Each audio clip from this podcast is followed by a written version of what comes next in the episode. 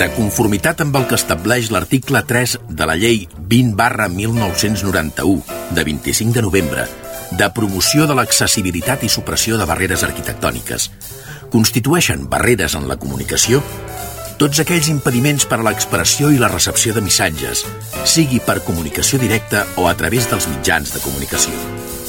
És per això que, emparant-nos en aquesta llei, volem que cada ciutadà gaudeixi del seu propi espai per moure's, un espai sense censura. Un espai en què vosaltres sigueu els protagonistes. En definitiva, un espai per tothom. Benvinguts a Espai Vital.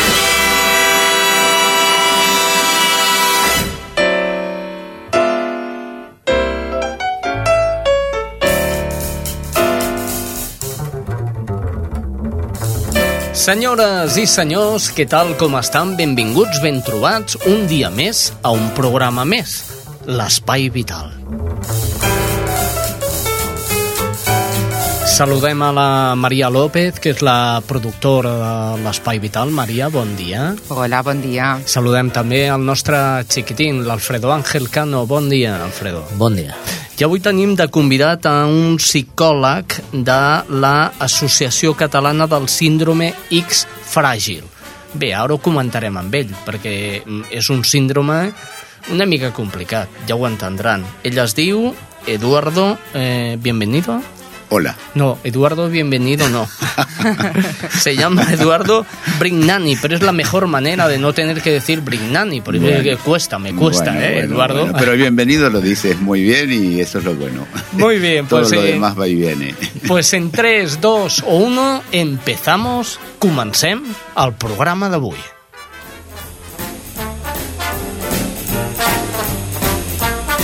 Això és Espai Vital. I des de Ripollet, Cerdanyola, Montcada, Barberà, Santa Perpètua i Sabadell, sis emissores municipals coproductores de l'Espai Vital. Per què està aquí l'Eduardo? Eduardo, mm. tú estás para comentar que es el síndrome X frágil. El nom espanta una mica, asusta. Mm-hmm. ¿Qué es el síndrome X frágil? Claro, y tal vez espante por lo de X y por lo de frágil. Efectivamente. Eh, eh, mucha gente, eh, es muy habitual que eh, en, en muestras, en trovadas, la gente dice, ah, estos son aquellos que tienen los huesos frágiles. No, error, al contrario, al contrario. Eh, son personas muy vitales, muy fuertes. Eh, eh, para hablar de X frágil, lo primero que tenemos que considerar es que eh, no es exactamente lo mismo en la manifestación que tienen los niños que las niñas, los hombres que las mujeres. Son manifestaciones totalmente diferentes, dado que la afección está en el cromosoma X. ¿eh? Y entonces, como las niñas, ustedes, María, tienen dos X, ¿eh? Eh, pues una es sana ¿eh? y otra puede estar afectada, está afectada, por eso lo de frágil, que está una patita, ¿eh? este, mirando y haciendo el estudio de Dani, una patita de esa X tiene una pequeña fisura. Y esto trae como consecuencia un fenotipo, es decir, unas manifestaciones físicas en la niña y en el niño totalmente diferentes. Eh, eh, como al ser un síndrome, es igual que el arco iris. Y Tú ves en el arco iris un montón de colores. ¿Con cuál te quedas? Mira, con el que te toca. Es decir, eh, como todo síndrome, las manifestaciones son muy diversas y la complejidad eh, del síndrome, de cómo se manifiesta en cada persona, ¿eh? es totalmente diferente. Por eso no es que hay un X frágil, hay personas afectadas con, y, y lo primero son las personas. Que, bueno que tienen esta afección. Luego tenemos que considerar de que es una de las pocas este, discapacidades de origen genético hereditario. Por lo tanto es muy importante cuando mm, la difusión esto que estáis haciendo vosotros desde este espacio vital eh, muy bonito el nombre lo comparto y me alegro de ello. Eh, lo que tenemos que tener muy en cuenta en este proceso de difusión, de divulgación de lo que es el síndrome, es que cuando se detecta un caso se evitan muchos. ¿Mm? Es algo así como si eh, cuando se hace el efecto dominó, ¿vale? Que tú pones una ficha al lado de la otra y empujas la primera, tac, tac, tac, tac, tac, pero si sacas una, ¿qué pasa? El efecto dominó se detiene. Porque una pregunta, Eduardo, Sí. eh, por lo que estás explicando, si nosotros detectamos este síndrome Mm, mm. a priori, quiero decir, cuando un niño tiene una edad temprana, Mm. ¿Podremos mejorar su calidad de vida de alguna manera? Sin lugar a dudas. Esa es una de las facetas o de los aspectos, es decir, la detección precoz, el diagnóstico precoz, eh, augura mayores éxitos, porque normalmente, dada la, el desconocimiento, inclusive a nivel profesional, en los profesionales de la salud, de la educación, este, sobre los síndromes en general y más aún sobre el X frágil, hace que no haya diagnósticos ciertos, la familia dicen, mira, el niño no evoluciona correctamente, no habla, tarda en caminar, este, tiene un poco de laxitud tónica, es decir, los músculos un poco débiles, no los, no los huesos, por favor. Ajá. Este, eh, y entonces, pero claro, el pediatra dice, bueno, ya va a madurar, ya va a andar, ya va a hablar, pero el ya va, el ya va pasa muchas veces años, hasta que alguien, ojo avisor, dice, cuidado, que aquí hay una un trastorno de origen genético hereditario, por lo tanto, puede haber más de un miembro en ese grupo familiar. ¿Mm? Y un- una familia eh, diagnosticada enseguida pone en funcionamiento una alerta al grupo familiar, a todo el árbol genealógico, y le llama a la prima que vive en Jaén o que está eh, en País Vasco y le dice, oye, mira, yo tengo este problema mi niño, mi niña, tiene esto que se llama X frágil. ¿Es una enfermedad eh, crónica degenerativa? Eh, dos cosas, Xavi. Eh, cuando hablamos de discapacidad no decimos enfermedad, nosotros, y, y técnicamente hablando, digamos así, sino ¿por qué? Porque la discapacidad es, en este caso, es genética, por lo tanto constitutiva de la persona. Hoy en día no tiene cura. Hoy en día no tiene cura. Cuando hablamos de cura, hablamos de enfermedad. Eh, vale, vale, está bien, de acuerdo, de acuerdo, de acuerdo, me has pillado, qué rápido. Este, sí, está bien, pero digamos, las terapeutas, las terapéuticas que se usan son paliativas sobre los síntomas, no se modifica. En este caso, sí, eh, se curaría, digamos así, eh, eh, la el, des- cura. el desorden genético Claro, que eh, tiene el cromosoma. Exacto, exacto. O sea, ¿hay cura para ese cromosoma No, mm, perdido porque- de la mano de Dios o no? el cromosoma X lo que hace es la falta de producción de una proteína que hace que toda la información que nuestro sistema nervioso ha de regular para que podamos coordinar motrizmente, para que podamos manejar la ansiedad, que es uno, de los elementos que está muy presente en el X frágil, eh, para que podamos tener eh, la atención fija, que es otro de los elementos diagnósticos, digamos así, del síndrome, etcétera. Habría, hay una, una serie de- de- de síntomas. Este, entonces, esa proteína lo que hace, la falta de esa proteína lo que hace es que justamente esa persona tenga dificultades en la coordinación motora, tenga problemas serios de ansiedad, tenga problemas serios en la atención y así, y tenga unos rasgos físicos muy particulares. Que ¿Cuál- X- ¿Cuáles serían? Muy Perdona, bien. porque tú, por ejemplo, Claro. tienes un niño o una niña ya de Vale. 5 o 6 años. Muy bien. Ha pasado ya un periodo razonable como para saber que no lleva la evolución que un pediatra te Mm. marca dentro del calendario. Entonces, yo soy una madre y detecto una serie de cosas en mi hija que no son socialmente habituales. Vale, muy bien. Entonces, eh, eh, pasa que las madres son las primeras que alertan ¿eh? por aquello del, del sexto sentido y el pediatra le dice que no, que tú, que tú estás, estás muy ansiosa, que para que el niño ya va a andar o la niña ya va a hablar, etcétera. ¿no? Eh, sobre todo en la pubertad, es donde explotan, por así decir, aparecen los rasgos físicos en el varón del X frágil, porque en las niñas, salvo, eh, según, bueno, aquí tendríamos que hacer un poco de explicación eh, de, las alteraciones genéticas, pero no vamos a entrar en ese rollo porque es sumamente aburrido y que los genetistas ya lo manejan. Las alteraciones, sobre todo en el varón, son un rostro muy prolongado, una, un maxilar inferior muy, muy estirado, frente muy amplia, orejas muy grandes, una laxitud en las articulaciones de la mano. Tienen, ellos juegan mucho con que eh, este dedo, por ejemplo, el dedo eh, índice, te lo doblan que parece, para, para que te lo vas a quebrar, y no. Eh, ¿Por qué? Porque tienen una laxitud articular muy importante, tienen eh, falta de tonicidad muscular, ¿eh? Eh, eso a nivel del fenotipo físico. Son muy característicos los X frágiles, visualmente, digamos, como para decir, este niño es X frágil. Tanto en cuanto el compromiso del gen sea muy alto, porque hay niños que tú los ves y dices, caray, pero este niño es X frágil, sí. Pero el fenotipo típico del X frágil es así. En las niñas se manifiesta mucho menos. Hay niñas que tienen estos rasgos físicos también, pero mucho menos. Por la compensación del X no comprometido, por así decirlo, con el X comprometido o afectado. ¿Cuáles son los rasgos que se presentan, eh, eh, digamos, cara a público, ¿no? Que, que, un padre puede decir, mi niño tiene eso. Claro. Los, los primeros rasgos, ya sea la, la, la actitud, en, Ya, en- muy en bien. la musculatura, pero que se vean. Vale. Eh, digamos que más que se vean, los primeros son que no se oyen. Porque son niños que tardan muchísimo en hablar. Cuidado. No es que todo niño que, trata, que tarda muchísimo de hablar tiene X frágil, pero sí es uno de los indicadores mayores. Otro es la labilidad del humor. Son niños, suelen ser cuando de pequeños niños muy irritables, lloran mucho. ¿eh? Hiperkinéticos o hiperactivos. Este es un elemento que, que está muy presente en toda la primera, segunda infancia. A partir de la adolescencia esto empieza a regularse un poco más.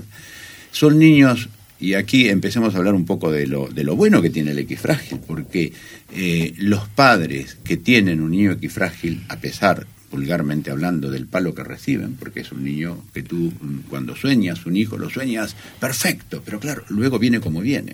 ¿eh? Y eso pasa en todos los órdenes. Quienes están afectados de una discapacidad, como que no, porque claro, cuando tú sueñas un hijo y luego saca el carnet de conducir y se da una castaña que queda, ¿eh?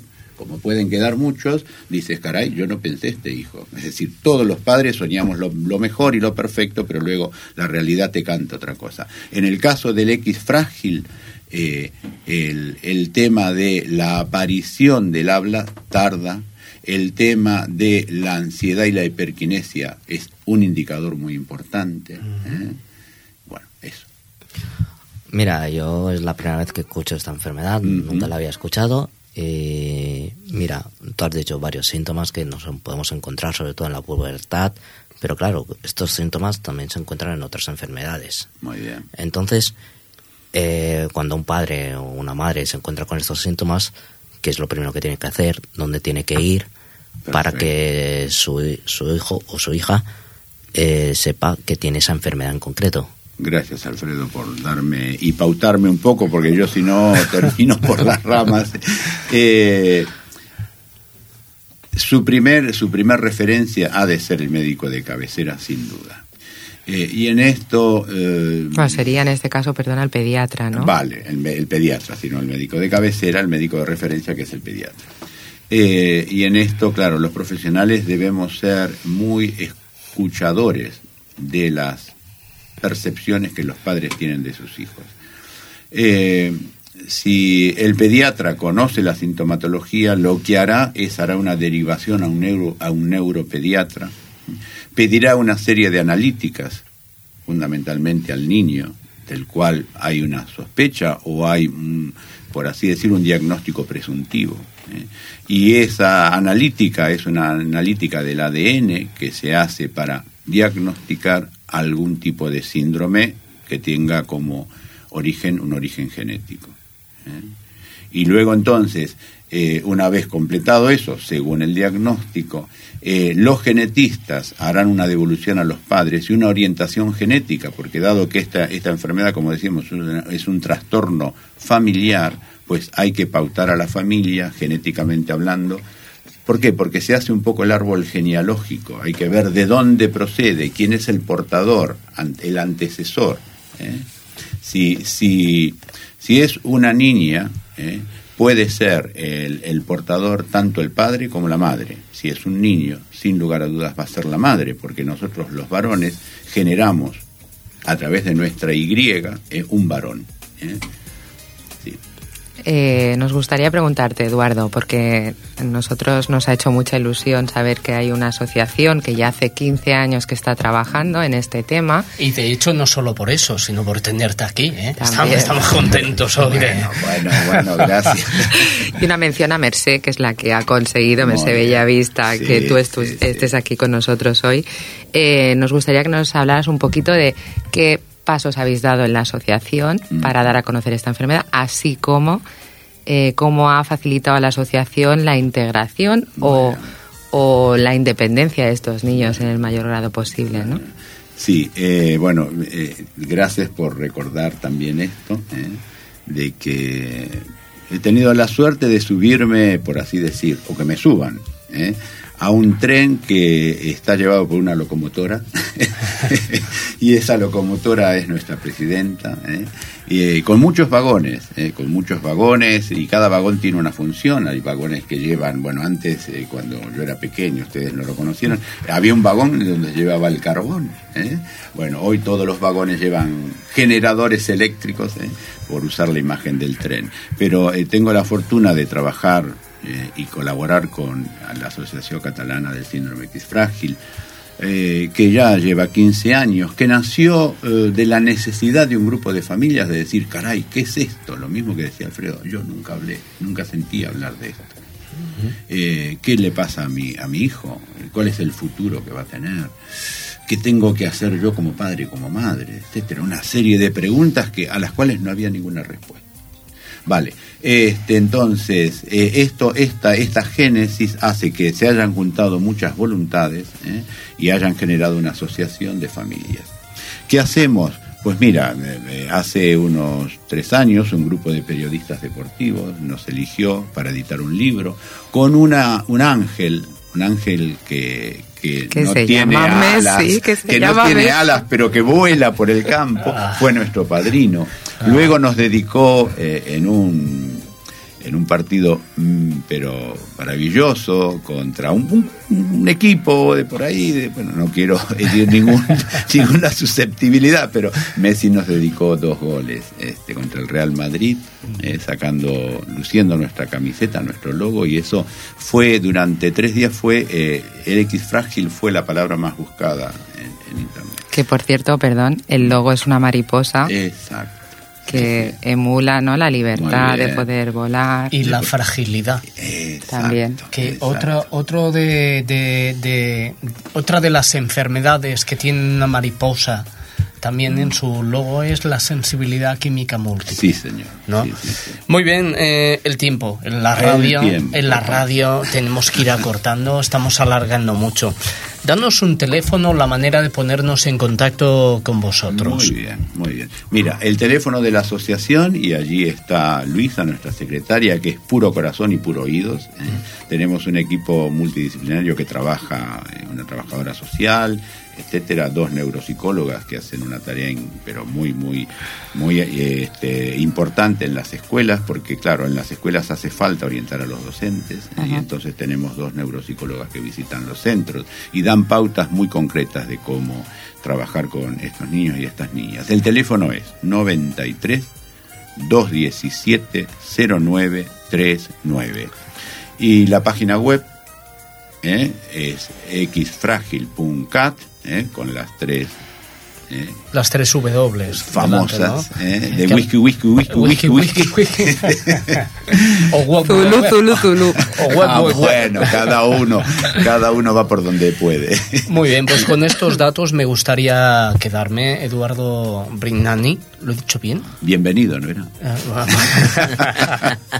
Gracias por haber estado aquí en Spy Vital y habernos eh, dado un campo, una luz para todos aquellos que estén escuchando en estos momentos y se encuentren con un caso de este tipo, tengan familiares cerca. Gracias y buenos días.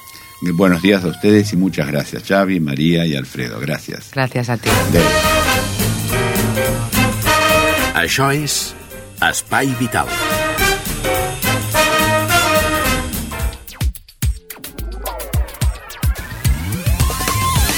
Fa un parell de setmanes vam entrar un nou espai que parla de la salut pública de, mm, explicada per membres de la Diputació de Barcelona al Departament de Salut. Avui és la segona part de Joves i Alcohol. Escoltem-lo. Salut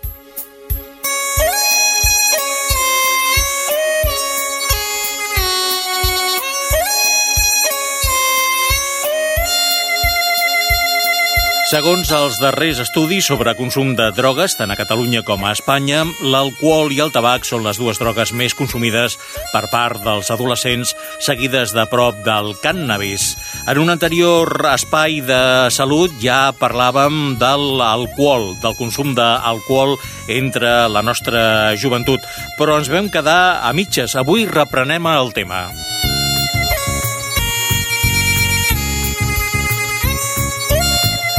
Amb la col·laboració del Servei de Salut Pública de la Diputació de Barcelona.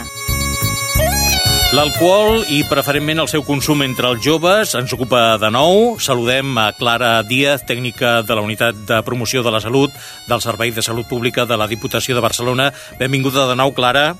Moltes gràcies. Hola, què tal? Quins són els conceptes erronis sobre el consum d'alcohol més habituals entre els joves? L'altre dia en parlàvem potser d'un, no?, que, que pensen que l'alcohol estimula. Sí és cert? A veure, l'alcohol realment és un depressor del sistema nerviós central. El que passa que actua sobre certes regions del cervell que inhibeixen el comportament i fa que, que es puguin donar conductes com una mica més atrevides, com pot ser ballar, lligar o fer bromes, i per això això ho associen amb un efecte estimulant. Però realment, després d'aquest efecte ve l'efecte de presó, que és l'efecte real. O sigui, en principi hi ha una desinhibició, sí. però després ve la depressió, no? Sí, perquè realment és un depressor del sistema nerviós central. I tu penses que són conscients del que veuen i de les conseqüències d'aquest consum els nostres joves? Jo crec que no, que els joves no tenen una percepció de les conseqüències que pot tenir el seu consum d'alcohol. La majoria consideren que fan un consum normal i amb una freqüència insuficient com perquè els generi problemes, no? Llavors, clar, els joves veuen ja per, per patrons culturals molt arrelats a la nostra societat, que estan lligats a la cultura de l'osi, no? I a partir d'aquí doncs, tenim, per exemple, els joves a partir dels 16 anys en el que l'alcohol pot jugar un paper més facilitador de les relacions eh, entre el grup d'iguals i, en canvi, en els més petits, doncs, eh, l'alcohol doncs, eh, té més a veure amb la pressió de grup, no? de vegades inclús eh, de la pròpia publicitat, que juga un paper més important i no tant les relacions socials, depèn molt. Sí, és que com tu comentaves, l'alcohol està molt arrelat culturalment al nostre país i és possible que, que tinguin eh, fins i tot el referent de casa, no?, d'haver-ho vist a casa. Oh, i tant. Hi ha moltes famílies en les que el, el consum d'alcohol hi, hi és present. Llavors, clar, això també pot ser un condicionant de cara que els joves doncs, eh, puguin iniciar-se en el consum d'alcohol. I com podem saber si estem bevent massa? Si els nostres fills, ja que parlem eh, ara, mm, avui de, de jovent, si els nostres fills beuen massa? Home, eh, si realment... Eh, jo penso que ens hem de fixar una miqueta eh, no només en la quantitat de que es veu, que poden veure en un moment determinat, sinó realment si, si s'ha de tenir en compte el nombre de vegades que, que aquest nano doncs, pot consumir a la setmana, eh, quin tipus de beguda s'està prenent, eh, si realment això li està afectant en el seu dia a dia, en els estudis, o en el cas de que estigui treballant en la feina, o sigui, s'ha de tenir una visió global de quina és la situació d'aquest jove. Ja que has esmentat els estudis, des de l'àmbit educatiu s'està fent algun tipus d'intervenció preventiva, Clara? Home, i tant. S'han elaborat eh, des de programes fins a webs, programes, hi ha alguns que funcionen ja fa, fa anys, eh, com per exemple un que es va elaborar per l'Ajuntament de Mataró, que es diu Drogasquer, que l'impulsen els propis joves, o sigui, es formen els joves a l'institut dels de quart d'ESO i aquests van intervenint en els que estan per sota d'ells, o sigui, en els de tercer, segon i primer, o sigui, és un programa d'educació entre iguals, hi ha programes de, de simulació de, dels efectes eh, sota la, la conducció, sota els, sota els efectes de l'alcohol, n'hi ha webs molt interessant on realment doncs, eh, s'aborden aspectes lligats al consum d'alcohol, com poden ser el PEP-Info, la Clara Info aquí a Catalunya, i després molts ajuntaments disposen de tècnics de salut o de drogodependències que elaboren programes de prevenció de riscos associats en els que intervenen, evidentment, l'àmbit escolar i d'altres com el lleure, el comunitari, etc. Hi ha molta cosa, realment. O sigui que podem, això, podem buscar assessorament professional sense més problemes, eh, de forma fàcil. Hi ha molt, hi ha molt. Realment mm, hi ha molta informació i, i si, si has de buscar informació mm, tens, tens molts llocs on, on, on anar-la a buscar. Si un consum excessiu d'alcohol per ell mateix és un problema, i greu, no? Així de clar, no? Un problema i greu, no parlem de la barreja d'aquesta droga amb algun altre, no, Clara? Sí, eh, amb això sí que s'ha d'anar molt de compte perquè l'alcohol barrejat amb altres drogues doncs, pot potenciar els seus efectes o mascarar-los. Llavors és molt important anar amb compte a l'hora de, de fer segons quines barreges. Bé, doncs, quantes coses més hem conegut avui en un anterior espai del consum d'alcohol per part dels joves? Algunes ja les coneixíem, altres potser han estat noves o, si més no, les hem recordat, però quantes coses gràcies a la Clara Díaz, tècnica de la Unitat de Promoció de la Salut del Servei de Salut Pública de la Diputació de Barcelona. Ha estat molt interessant, Clara, moltes gràcies. Moltes gràcies a tu.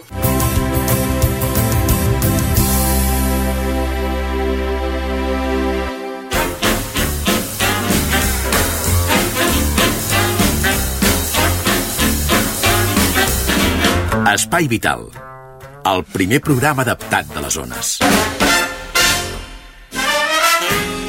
I jo diria que l'únic, no? Hi ha algun programa més adaptat de les zones? Mm, no ho sé pas. I de Ripollet? De Ripollet no. Ho veus? I de Montcada? No. Tampoc. De Barberà tampoc, de Sabadell tampoc, de, De Santa Cerdanyola sí, Perpètua de Cerdanyola tampoc, sí. De Cerdanyola sí. Et tenim a tu a Cerdanyola, adaptat allà. No, però és tècnic, Estic no parlant, és presentador. Estic parlant de programa, de ràdio adaptat. No ho coneixo, la Eh, veritat. aquest, aquest, aquest és l'adaptat, l'espai vital. Senyor, El nostre espai vital. el nostre espai vital, aquest, l'espai vital que ara va fer una volteta per conèixer quines són les últimes novetats sanitàries que han aparegut a cada una de les poblacions i ràdios pertanyents a aquestes poblacions sobre sanitat. Comencem. Volta de roda informativa. I comencem amb Cerdanyola. Ja es troba Rosa Morante. Rosa, bon dia. Hola Xavi, avui des de Cerdanyola Ràdio us expliquem amb el lema Jo soc solidari, l'Associació de Persones Amigues de mossèn Rossell ha iniciat una campanya per buscar col·laboradors que els ajudin en la tasca de portar el menjador solidari.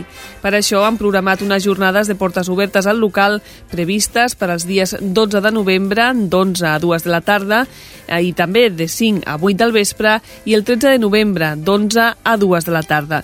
Els responsables del menjador, que ja ha ofert 2.000 àpats des de l'entrada en funcionament del servei ara fa un any, demanen voluntaris per servir o cuinar, col·laboracions econòmiques puntuals o periòdiques o aportacions de menjar, com ara oli, tomàquet triturat en conserva, fruita en conserva, llegums cuites o tonyina en conserva. Un dels membres de l'associació, Jaume Costa, explica que tenen tres reptes. Obrir el menjador tot l'any, trobar nous col·laboradors i conscienciar la gent de les necessitats que hi ha a la nostra ciutat. Costa indica que quan es va obrir el menjador la majoria d'usuaris eren persones immigrades, però que ara és la gent de Cerdanyola qui utilitza majoritàriament aquest servei. Jaume Costa afirma que els agradaria poder obrir els dissabtes i fer també un segon torn de dinars, però que les dimensions de la cuina no els ho permeten. El representant de l'entitat demana un nou esforç a l'Ajuntament perquè els ajudi econòmicament i també a l'hora de trobar un nou local més ampli per poder oferir un millor servei. Jaume Costa també va anunciar la realització del quart Premi Solidari Josep Rossell, que es lliurarà el proper 20 de març de 2012. La convocatòria s'obrirà al mes de desembre per a totes aquelles entitats i persones que s'hi vulguin presentar. I per avui això és tot des de Cerdanyola Ràdio. Gràcies, Rosa Morante. De Cerdanyola anem a Ripollet i ens posem en contacte amb la Reme Herrera. Hola, Xavi. Aquesta setmana a Ripollet us expliquem que la Regidoria de Salut Pública ha endegat la segona edició del cicle Més Salut, que es va iniciar el passat 2 de novembre amb una sessió de Tai Chi. Els tallers i activitats programats tenen com a objectiu apropar la població a l'àmbit de la salut des del punt de vista de la promoció i la prevenció, facilitant eines útils a la vida quotidiana. El cicle inclou activitats relacionades amb l'activitat física, la relaxació, com el taller de Tai Chi, o el de relaxació corporal de centres d'energia. També s'impartirà un taller de cuina per als joves del cafetí destinat a treballar de forma pràctica els aspectes d'una alimentació saludable, així com una xerrada adreçada a famílies amb infants de 0 a 3 anys. Són infermeres del Capo Ripollet facilitaran consells pràctics sobre l'atenció i la cura dels infants i l'adquisició d'hàbits en aquesta etapa. Adreçat a tota la població, s'ha previst un taller destinat al coneixement dels principals trastorns que afecten la salut dels peus, així com les eines de prevenció més importants. D'altra banda, l'Institut Oftalmològic Tres Torres oferirà una campanya gratuïta de prevenció del glaucoma i la degeneració macular a través d'una unitat mòbil totalment equipada. El 24 de novembre, al vestíbul del Mercat Municipal tindrà lloc una activitat relacionada amb el risc cardiovascular, on personal mèdic i d'infermeria realitzarà mesures de pressió arterial i colesterol i amb l'ajuda d'un senzill qüestionari sobre hàbits alimentaris i consum de tabac es podrà determinar el risc cardiovascular de la persona i establir pautes o consells per prevenir-lo o reduir-lo. Finalment, una xerrada sobre envellir i dormir bé, inclosa el cicle Gent Activa, realitzada conjuntament amb la Regidoria de Serveis Socials, posarà el punt i final al cicle Més Salut d'enguany el 12 de desembre. El recordem que poden consultar el programa detallat del cicle Més Salut a la web municipal ripollet.cat. I això és tot per avui, fins la setmana vinent. Gràcies, Rem Herrera. Anem corrents cap a Barberà. Allà es troba Judit González. Salutacions des de Ràdio Barberà. Des de la mitjanit del passat 2 de novembre, Barberà ja no gaudeix dels serveis de guàrdia nocturns de les farmàcies del municipi i a les de Badia del Vallès. La desaparició dels serveis d'assistència sanitària d'urgència als centres d'assistència primària del municipi en horari de nit ha estat la principal causa per la qual s'ha pres aquesta determinació. El regidor de Salut de l'Ajuntament de Barberà, Pere Ramon, volia recordar a la ciutadania que s'ha de tenir en compte que en aquests horaris no es podran adquirir medicaments al nostre municipi si va amb un servei d'urgències o sigui a Ripollet o sigui a, a Sant Fèlix, que tingui present que ha de comprar en la, en, el, en la població on vagi, que allà sí que hi haurà farmàcies, o que inclús en el mateix ambulatori liderant la farmàcia que està de guàrdia. Que no se'n vingui aquí a Barberà confiat en que a Barberà hi ha, una, hi ha una farmàcia de guàrdia perquè es trobarà que haurà de tornar a anar una altra vegada a Sabadell a comprar el producte. Així doncs, el servei d'urgències nocturn, per tant, es derivarà a les farmàcies que prestin servei dels municipis veïns com Sabadell o Ripollet. Gràcies, Barberà, Judit González. Anem cap a Montcada. A Montcada Ràdio es troba la Sílvia Díaz i aquesta és la seva crònica. Hola, salutacions des de Montcada, l'Espai Vital. Avui fem balanç de la campanya de prevenció del glaucoma que es va fer a Montcada a final d'octubre. La unitat mòbil de l'Institut Oftalmològic Tres Torres ha revisat la vista d'unes 130 persones del municipi en 5 dies. Segons els responsables d'aquest servei, aquesta dada és positiva, tot i que a causa de la pluja calculen que es van deixar de fer una vintena de revisions. La iniciativa s'adreçava especialment a persones a partir dels 45 anys i durant la campanya el banc s'ha trobat amb algun cas greu de pressió ocular que s'ha comunicat a l'afectat. Segons l'Institut, a diferència d'altres aspectes de la salut, en el cas de la vista, fins que la persona no detecta un problema de gravetat, no va al metge i que, com en qualsevol àmbit, la prevenció és fonamental. Com a glaucoma es coneixen un grup de malalties que provoquen un dany progressiu del nervi òptic que s'agreuja amb l'edat, comportant la disminució del camp visual. Si no es tracta a temps, es pot perdre la visió per complet. En la majoria dels casos, el malalt no és conscient que pateix glaucoma fins que no ha perdut gran part de la visió. Tenen un major risc de desenvolupar aquesta malaltia malaltia a les persones més grans de 60 anys, amb famílies directes que han tingut aquest problema amb alta miopia o altres problemes visuals o les persones de raça negra o asiàtica. Doncs bé, això és tot. Fins la setmana vinent. Molt bé, gràcies eh, Sílvia Díaz. I de Montcada ens anem cap a Santa Perpètua. Santa Perpètua de la Moguda, allà es troba Estrella Núñez. Escoltem-la. Hola Xavi, hola amics i amigues de l'Espai Vital. Les set farmàcies de Santa Perpètua no presten ja el servei d'urgències nocturn. La Junta de Govern del Col·legi de Farmacèutics de Barcelona ha autoritzat les oficines del municipi a prestar el servei només de 9 del matí fins a les 12 de la nit. Fora d'aquest horari, el servei d'urgències es deriva a les farmàcies dels municipis veïns, com ara la Llagosta. La supressió del servei d'urgències nocturnes al Centre d'Atenció Primària de Santa Perpètua ha originat que les farmàcies quedin eximides d'aquest servei urgent nocturn i poden adequar l'horari del servei al del CAP. El regidor de Salut Pública de l'Ajuntament de Santa Perpètua, Francesc Rodríguez, ha enviat una carta al Departament de Salut per saber quines mesures addicionals ha resolt implementar el Departament per donar resposta assistencial adequada. El regidor, en aquesta carta enviada al Departament de Salut, pregunta per les mesures en cas que el malalt sigui visitat a casa fruit d'una trucada al 061 en els supòsits que les persones visitades siguin persones grans i sense possibilitat ni recursos per al desplaçament nocturn o un altre, a un altre municipi per adquirir els medicaments receptats o aquelles persones visitades que tinguin mobilitat reduïda. Rodríguez recorda que l'Ajuntament ha rebut queixes dels usuaris de l'ICS i que la decisió del Departament de Salut ocasiona situacions que empitjoren la qualitat assistencial. L'Ajuntament ha enviat una carta al Departament de Salut per saber quines mesures addicionals implementarà per donar resposta assistencial, ja que les farmàcies de Santa Perpètua no presten ja el servei d'urgències nocturn. De moment això és tot des de Santa Perpètua. Fins la setmana vinent. Gràcies, Estrella Núñez. I anem, per últim, a Sabadell. Allà es troba la Núria Brugués. Escoltem-la. Salutacions des de Sabadell. L'associació ETOS, dedicada a la prevenció de les addiccions i a la rehabilitació de persones que les pateixen, ha celebrat aquesta setmana el seu cinquè aniversari. Des de que va entrar en funcionament ha posat en marxa una desena de programes terapèutics adreçats a drogodependents i també a les seves famílies. A més a més, en aquests moments, ETOS compta amb un centenar d'usuaris. Al llarg dels seus cinc anys de vida, l'entitat també ha aconseguit col·laborar amb diverses empreses i institucions per dur a terme diverses accions de sensibilització i conscienciació en relació a les addiccions i les drogodependències.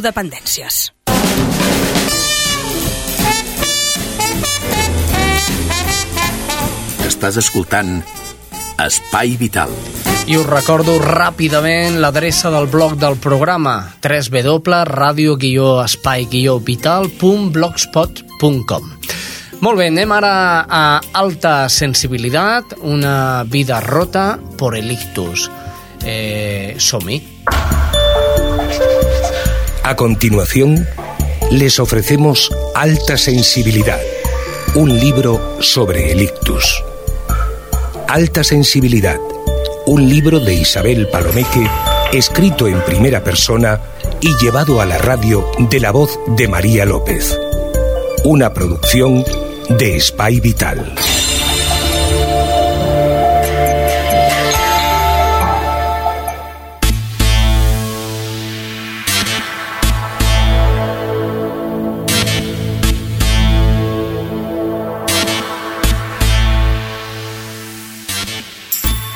En aquel momento vinieron a mi mente un montón de recuerdos y reconocí ante mí aquella intolerable criatura. Desde entonces supe lo que soy. Lo supe desde que noté en mis dedos la fría y lisa superficie del espejo. Lovecraft es el autor de este cuento gótico titulado El extraño. Debo reconocer que siempre he sido más aficionada al cine que no a la literatura, pero este fragmento describe de forma bastante fidedigna el momento exacto en el que fui consciente de lo que me había pasado. Hace poco tiempo que la cirugía cerebral ha descubierto técnicas menos invasivas, pero en el 2004 mi craneotomía seguía todavía los cánones de una intervención de urgencia con el consiguiente elevado riesgo de muerte. Al día siguiente, tras el ictus, las enfermeras me cortaron el cabello y me afeitaron la cabeza. A continuación, el cirujano practicó deprisa y corriendo una incisión perpendicular en el hemisferio izquierdo, trepanando el hueso con una sierra quirúrgica para liberar la hemorragia. Después cosió una larga cicatriz, testigo para siempre jamás de mi accidente cerebral. Puedo pensar en esto de manera técnica y aséptica, supongo que por mi formación y profesión, pero nunca me hubiera imaginado a mí misma sobre la mesa de operaciones, es decir, siendo la paciente. A la cicatriz se añadía una dramática visión de los estragos causados por la inmovilidad de mi cuerpo. En solo dos semanas, la alimentación intravenosa me había hecho perder tanto peso que mi coxis lucía una dolorosa llaga, a pesar de los esfuerzos dedicados a los cambios posturales por parte de mis amigas y de mi cuñada, todas ellas afortunadamente enfermeras. Hasta aquel momento, el agotamiento físico y mental por la imposibilidad de hablar y de no comunicarme no había permitido pensar demasiado en mi cuerpo. más allá de la primera autoexploración sobre los síntomas evidentes de la falta de movilidad a mi lado derecho. En otras palabras, no estaba preparada para el momento en el cual me vi reflejada por primera vez frente al espejo. No, no, me repito, no, ciertamente no lo estaba. Creo que nadie lo podría estar nunca y se me hace difícil describir la ansiedad y el pánico que me causó aquella imagen proyectada de una Isabel tan diferente. No soy yo. ¿Quién es esa extraña medio curvada, calva y monstruosa que me mira sorprendida? Ninguna de las facciones que me devuelve el espejo me resulta familiar y el horror se impone. Mi rostro inflamado, las ojeras, los huesos marcados de mis rasgos, el vello capilar incipiente que crece a ambos lados de una larga línea que divide mi cabeza en dos. Me agarro a mi madre que me ha ayudado a llegar hasta el baño y empiezo a llorar. Rosa, mamá, me estrecha entre sus brazos e ignora de forma expresa mi shock para no profundizar en el daño que me hace. Venga, niña, venga, que ya llegamos. Y me alza el camisón, me sienta sobre la taza y se interpone ante el espejo. Todo vuelve a su lugar me dice con suavidad al oído. Nuestra sangre es vasca y cumplimos a la perfección con el estereotipo. Austeros, valientes y luchadores. Seguramente ella llora conmigo, por su niña, su pequeña que es ahora un puñado de huesos y piel descompuesto. Aún así, más allá de la deformidad de mi apariencia, Ahora soy consciente de lo que me ha pasado y cuán largo es el camino que me espera para volver a ser yo misma, aunque sea una versión lejana de mí antes del ictus. Al volver a la cama lloriqueando y abatida, una fotografía me devuelve otra imagen. Ahora veo a una Isabel con una melena larga, con mechas doradas, que me sonríe con aquella bocaza y me mira de reojo. Sus brazos están alineados perfectamente a ambos lados, sosteniendo una copa en la mano derecha mientras celebra una noche de fiesta con los compañeros de trabajo. Pero mi cabeza me juega una de sus malas pasadas. Me recuerda acto seguido a la chica rota del espejo del lavabo y me doy cuenta de que esto es definitivo. Lo que me ha pasado es definitivo y seguramente definitivo no es un concepto que aparezca con firmeza en el diccionario de ningún joven de 24 años.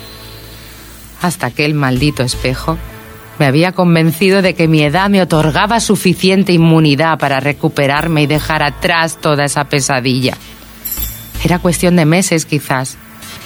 De hecho, los médicos no habían sido demasiado explícitos y recurrían a circunloquios para repetirme de todas las maneras posibles que el cerebro era el gran desconocido de la medicina, que nunca se podía aventurar cuál era su capacidad real de recuperación de un paciente, que mi juventud siempre era un factor positivo a considerar, y todas aquellas frases hechas a las cuales yo me aferraba y me aferro con todas mis fuerzas. No obstante, en estos momentos no puedo más me siento desfallecer. En unos segundos he sustituido mi diagnóstico de transitorio por definitivo. Y esto me aboca un dolor y una tristeza casi insoportable. He entrado en una clase de luto en vida. Mi propio luto, por la Isabel que he sido hasta hace 15 días atrás. Sé que las fases de todo luto son la negación, la ira, la negociación, la depresión y la aceptación. Inconscientemente, la esperanza destilada de los pronósticos de los médicos, de las palabras alentadoras de mis amigos y compañeros, me han servido hasta ahora para negar la evidencia. Ahora, el espejo ha dado el turno a la rabia y la cólera. Y hasta aquí, Alta Sensibilidad, un libro sobre el ictus. Alta Sensibilidad, un libro de Isabel Palomeque, escrito en primera persona y llevado a la radio de la voz de María López. Una producción de Spy Vital. Alta Sensibilidad, un libro de plataforma editorial.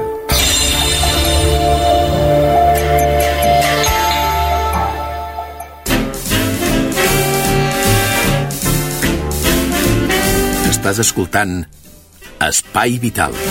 No noteu una flaire de cuina, de menjar, no noteu res? Jo per tinc aquí, una no? gana. Una miqueta, no? Mm. o sigui, Ja, anem, ja, ja. anem a que la Conxita Naudi, la nova cuinera de l'Espai Vital, ens doni un pelat eh, més que preparat, jo en diria senzill, però pràctic. Escolteu la recepta. ¡A comer!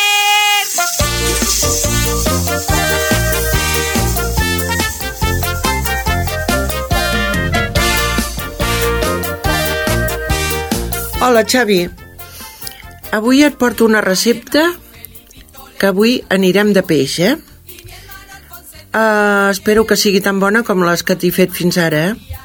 I que t'agradin. Com els oients, també. Us faig llagostins al cava.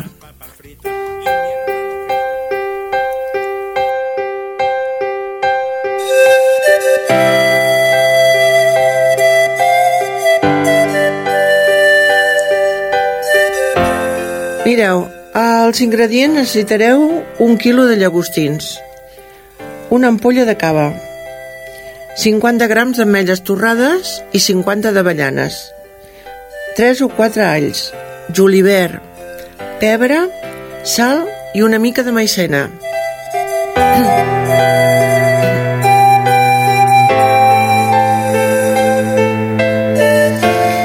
La preparació eh, és molt senzilla també aquesta eh? i també és molt bona. Mireu, heu d'agafar una cassola de fang, si és possible, eh? perquè ara amb les vitros ja se sap. Eh, poseu la cassola al foc i poseu oli i es sofregeixen els llagostins amb una mica de sal i pebre.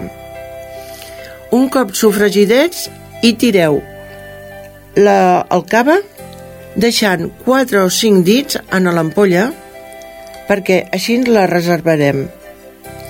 Es deixa fer xup-xup fins que quedi reduït. Mentrestant, en el mini pimer hi triturarem els alls, el julivert, les ametlles i les avellanes i afegirem el reste de cava. Això hi posem també una miqueta de maicena, una culleradeta petita, perquè això espessi una miqueta. Tot això es posa a la cassola i es deixa un ratet més fins que quedi la salsa eh, just per poder-hi socapar. El llagostí ja sabeu que es cou de seguida. Eh, això és un, un plat que queda molt bo. El suggeriment és que si es fa un dia per l'altre encara queda més bo ja veieu que no té gaire secret. Uh, bé, fins aquí també eh, us desitjo que la feu, que la disfruteu i que us agradi. Fins la setmana que ve.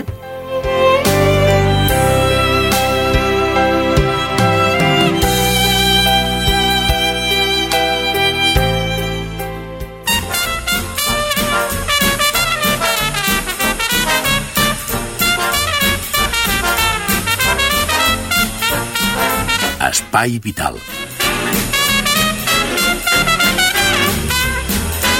Molt bé, doncs arribem al final del programa. Maria López, gràcies. A tu, Xavi, a l'Alfredo i al tècnic que m'està dedicant ara mateix una cançó que m'encanta i Alfredo també ha dit. I a l'Eduardo, que encara que hagi marxat encara ens, ens n'entarem. Eh? Que tinguis bon viatge, Eduardo. Molt bé, doncs senyors, fins la setmana vinent. A vostès, gràcies per la seva atenció. Adéu-siau.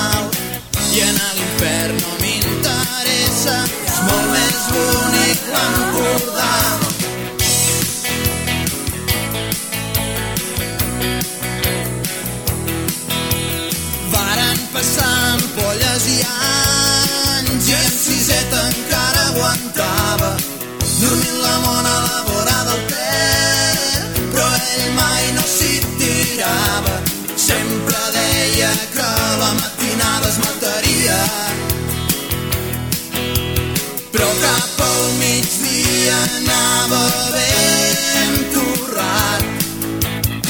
Somriu i diu que no té pressa, ningú m'espera allà dalt.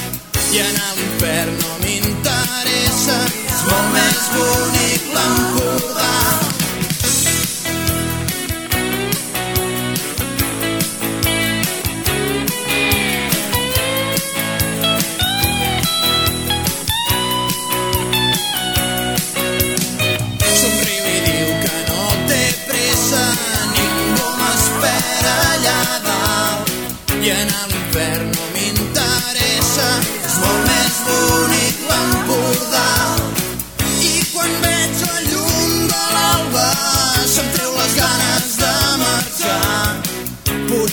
avui no em suïcidi, potser ho deixi fins demà.